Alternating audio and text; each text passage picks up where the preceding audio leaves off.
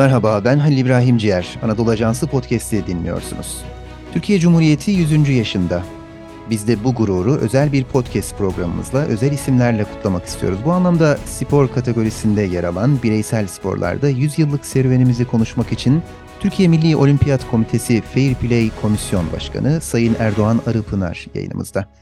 Yayına hoş geldiniz Erdoğan Bey. Hoş bulduk, merhaba, iyi günler. Ee, daha önce podcast yayınına katılmış mıydınız? Bu ilk mi olacak? İlki galiba. İlkini e, Anadolu Ajansı Podcast'te yaşadığınız için teşekkür ediyorum. Katıldığınız E, için. sağ olun. Şimdiden Benim için de mutluluktur. Sağ olun. Şimdi öncelikle e, Türk sporunun bireysel kategorilerindeki e, gelişimine baktığımızda 1936'da e, Berlin'de düzenlenen olimpiyatlarda başlıyor bu serüven. E, yine güreşte Yaşar Erkan ilk madalyayı ülkemize getiriyor.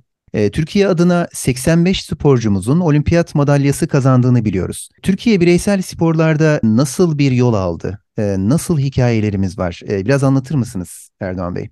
İlk, defa Türkiye'de sporun tarihini bölüm bölüm anlatmakta fayda var. Türkiye'de spor Osmanlı'dan sonra, Osmanlı Devletimizden sonra Cumhuriyet dönemine gelmeden 1908'de kurulan Osmanlı Olimpiyat Derneği ile başladı.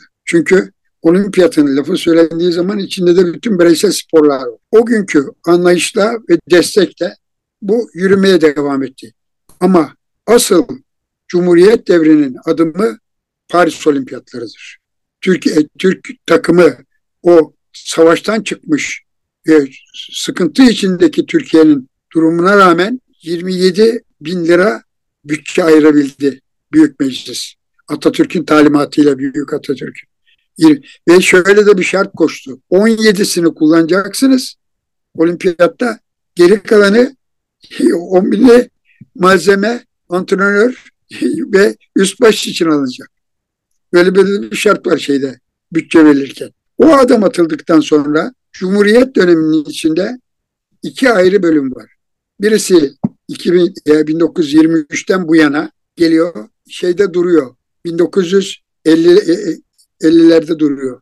1950'lere gelmeden Paris ve şey Londra olimpiyatları yeni bir çizgi, yeni bir anlayış getiriyor. Ve dikkat buyurursanız Londra olimpiyatlarında bir tek spor dalı yani bronz madalya kazanan, üç adım atlamada Ruhi Saralp. Onun dışındakilerin hepsi güleçtir.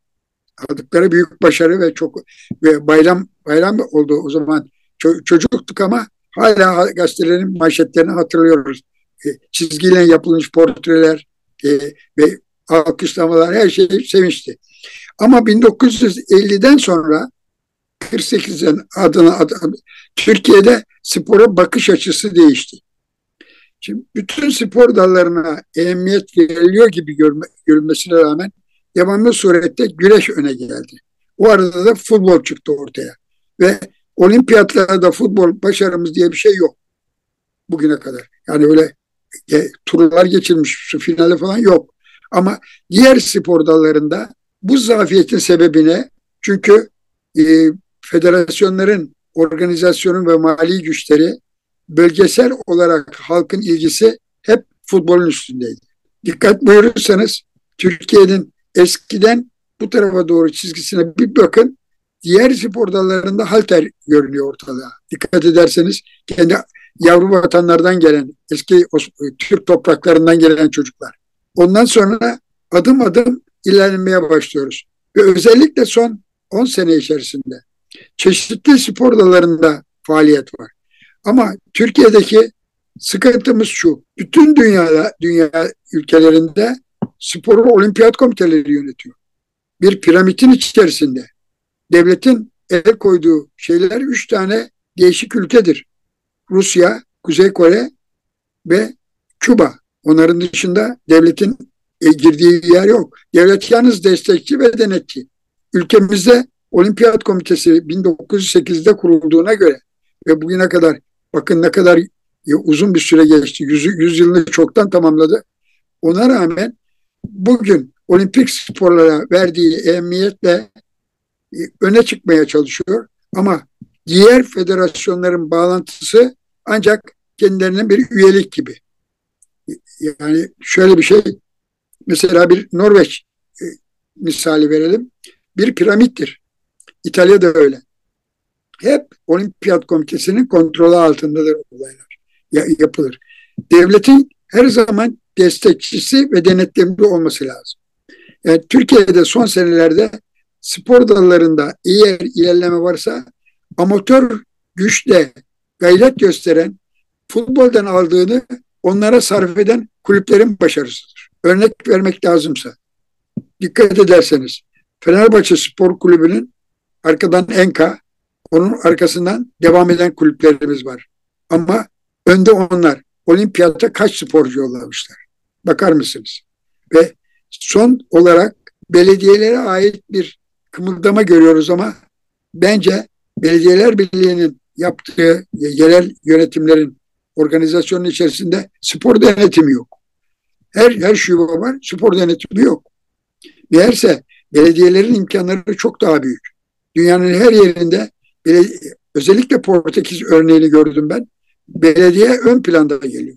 Şimdi kulüpleri, spor kulüplerini destek nasıl olacak? Türkiye'de bu çok büyük bir sorun olarak geliyor.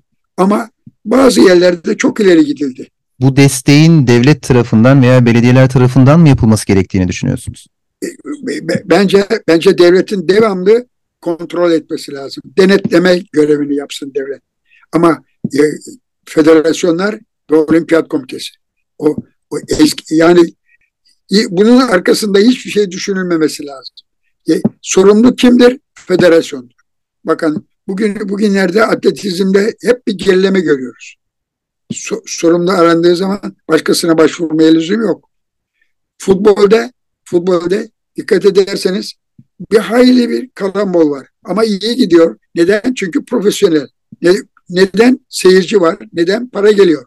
Sponsorlar son zamanlarda rekora gitti Türkiye'de. Dikkat eder misiniz? Yani diğer güreşçi e, şey yüzücü çocuklarımıza sponsor var. Güreşçiye çok az. Boksöre çok az. Dikkat edin. Yelkene çok az. Yani, ama futbolda çocuk neredeyse takım formalarının ayırdısı koyacak yeri yok. Yani dikkat edin her taraf baştan aşağı e, şeyine kadar kız, kız takımları voleybol gibi, basketbol gibi yıldızlaştıkları anda onların da formalarının üstü baştan aşağıya sponsor şeyinden kalıyor. Hatta direkt geçen günlerde toplantıda söyledim. Dedim ki Ay Yıldız'ın yeri başkadır. Çok dikkat edin sponsorlukta. Olay ne? Yani onun için Türkiye'nin spor konusunda ciddi olarak bir toplantı yapması, bir akademik toplantı yapması ve bu işleri tartışması lazım. Çocuklar parlıyorlar, söylüyorlar. Parlıyor. İşte bakın hiç kimse tahmin eder miydi? Erzurum'da saman e, saman çuvallarını hazırlayıp üstüne kar koyup da atlayan kaya kayak atlayıcı çocuk. Şimdi bakın dünyanın ilk e, onun içinde ilk yeriminin içinde bir tane çocuk çıktı Fenerbahçe'den. Bilmiyorum son zamanlarda biraz yavaşladı. Sırıkla atlamada neredeyse ilk beşe giriyordu, ilk altıya giriyordu. E bunlar, bunların destek lazım. E, bir kulüp, kulüplen değil, bütün kulüplerle. Bütün kulüplerle soracaksın. Kardeşim sen kaç dalda spor yapıyorsun? Kaç dalda çocuk yetiştiriyorsun? Bugüne kadar olimpiyata kaç adam yolladın? Benden yardım istiyorsun. Vergiden düşme istiyorsun ama söyle sen kimi yetiştirdin? E, farkındasınız. Uzun süredir yazıyorum ajansımda. Olimpiyat e, şey Milli Eğitim Bakanlığı, Spor Bakanlığı mutlaka bak son zamanda bir protokol imzaladılar. Bizim arkadaşlar şeyde ajansa bayram ettiler. Bak Erdoğan Bey sen de yazmıştın. Dedim ya herkes yazar ama bu yapılması güzel. Evet yani, Erdoğan Bey aslında biraz güce dayalı bireysel sporlardan bahsettik az önce. Tarihe de baktığımızda genel itibariyle daha çok güç odaklı bireysel sporlarda daha başarılı görünüyor aslında Türkiye. Sizin de ifade ettiğiniz gibi. E, fakat şimdilerde birçok yeni kategoride jimnastik gibi hatta genç gururumuz Mete Gazoz'u da burada analım müsaadenizle. Söylemek lazım. Okçuluk gibi kategorilerde de e, sporcularımız yetişiyor. E, bireysel sporlarda e, nasıl bir gelecek vizyonu görüyorsunuz? Bireysel sporların geleceğini nasıl görüyorsunuz? Biraz bundan bahseder miyiz? Bireysel sporların hepsinde ümitliyiz. Yalnız gene de söylüyorum. Onlar arkalarında birisini görmeleri lazım. Kulüplerini, federasyonu görmeleri lazım tek başına olmuyor. Tek, tek başına aynı bitki yetiştirir gibi. Sulayacaksınız, gübre vereceksiniz. Zamanına göre çocuklarla ilgi lazım. Bakın Türkiye'de eğer üniversiteler kış oyunları yapılmasaydı bugün bizim bizim bu buz hokeylerinde bu buz, buz maçlarında e, kızlarımızın aldığı derecelere bakın. Yani ilk ilklerin ikilerin içine giriyorlar. E, yani Türkiye'de daha büyük organizasyonlar. Olimpiyatlara ta talip olduk. Ama bir, belki hatırlayacaksınız acı bir hatıradır. Biz yüzde doksan kazanıyorduk Tokyo Olimpiyatının aldığı olimpiyatı. Ama Tokyo'nun başbakanı kalktı. Bizde hiçbir dopingli eleman yoktur dedi. Bizim 69 muydu 29 muydu dopinglimiz var. Biz öyle kaybettik. Yoksa alıyorduk. Cumhur, bu Cumhurbaşkanı Sayın Cumhurbaşkanımız da oradaydı. Şeyin e, seçiminde biz yani mutlaka kazanacaktık. Ama doping meselesi çıkınca benim en acı hatıralarımdan biri Türkiye'de en fazla olimpiyat izlemiş olan bir spor yazarıyım ben. E, haltercimiz meşhur Süre, Süre, Naim Süleymanoğlu. Naim Süleymanoğlu iki tane kahve içti Seul'de doping olacak, doping çıkar diye ağlamaklı hale geldik. Oraya koştuk, buraya koştuk, hamdolsun olmadı. İki fazla kahve içtiği için. Düşünebiliyor musunuz? Ya, onun için bakın bugün doping sıfır. Türkiye'de doping 0.6 bile değil. O da yanlışlıkla olmuş bir şey varsa. İşi disiplinli tutmak lazım. Devletin gücünün olduğu yerde olması lazım. Ve federasyonlar. Mutlaka spor yapanlar, sporda olanlar, spora kendilerini verenler gelecekler federasyon seçimlerine. Bilen adam olacak. Değil mi? Yani lütfen bana söyler misiniz? E, tıp fakültesini bitirmeyene doktor yapıyorlar mı? Değil mi? Konuyu, konuyu çok iyi bilmeleri lazım. Kendimden bir misal vermek isterim. İlk çalıştığım eski günlerdeki Cumhuriyet Gazetesi. Spor servisi müdürü yaptıkları zaman beni bütün arkadaşlarım ki birkaçı rahmetli oldu. Abdülkadir Yücelmen, Tuncel Ben Okan hepsi hepsine iki hafta izin verdim. Erdoğan sen ne yapacaksın? Ben tek başıma sayfayı çıkarırım. Siz gidin. Bir tanesi Güreş Federasyonu'na antre şey kursuna, bir tanesi Biricilik Federasyonu. Hepsini uzman yerlerden geç bitirip geldiler. Çünkü görmediğin şeyi yazamazsın ki. Bilmediğin şeyi konu. Bu, bugün bir penaltı oluyor. 50 kişi konuşuyor. Penaltı değil, haksızlık var. Yüzde yüz penaltı. Neye göre kardeşim? Sen nereyi bitirdin? Nereye okudun? Sen ay, nasıl bilgiyle bunu söyleyebiliyorsun? Belki komik gelecek ama güzel bir olay. O günlerde adını söylemeyeceğim ya, beni şeye boks maçına yolladım. İşte yetiştirmeye çalışıyoruz arkadaşları. Geldi dedi ki yüzünü silsin diye antrenör havlu attı şeye dedi. Ya yüzünü silmedi abondone dedim ben. Yani ama değil mi? At hastalanmış başını salladıydı. O da mani rettir dedim binicilikte. Yani bu eğer okumazsanız yazmazsanız birçok şeye merak ettim. Bunları yazarken kendim askerde gönüllü olarak Erzincan Lisesi'nde öğretmenlik yaptım iki, se iki sene. Orada açılan futbol hakem kursuna ismimi saklayarak girdim. Sonunda diploma alırken söylediler Arıpınar sensin diye. Çünkü o güne kadar çok yazı yazdım. Çok hata yapmış olabilirim diye çekindim. Ama orada diplomamı aldım. Neden? Ö okumadan, öğrenmeden, şey yapmadan bir konuya yardımcı olamazsınız. Bizim bizim için önemli olan şey de yani yalnız bu değil. Bizim için önemli olan okuyucuya, halka bir şeyler anlatırken yanlış yola sapmamamızdır. Ee, az önce e, konuşmanızın başında 1950 ayrımı yaptınız. Orayı biraz açar mısınız? Tam olarak e, 1950 öncesi ve sonrası. 1950, 1950 1950 Türkiye'de demokratik bir kalkınma tarihidir. Biliyorsunuz seçimler. Hepsi kazanıldı. Onda da e, spora ne kadar yer verildi? Ben bir, e, fazla fazla bir şey söyleyemeyeceğim bu konuda. Yalnız futbol kendini yeniledi. Biliyorsunuz ölenlere rahmet olsun. Futbol çeki düzen verdi APAK. Üstüne gitti, sistemi kurdu.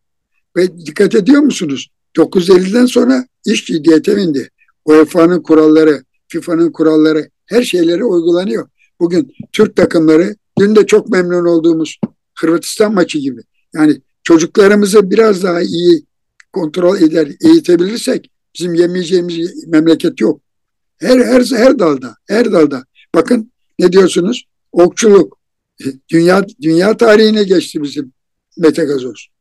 Adına meşhur Arjantinlik kitabına şey yaptı. Onun adına onu onurlandırdı. Birçok şeyimiz var. Kızlarımız bakın sildi götürürler dünyayı. Milli maçta kimle konuştuysam sokakta da dışarıda da İsmail deyip duruyor. Orta saha. E, ama, ama bizim çocuğumuz işte bizden yetişti. Yani eğer elimizdekileri kullanırsak girmeyeceğimiz dal yok.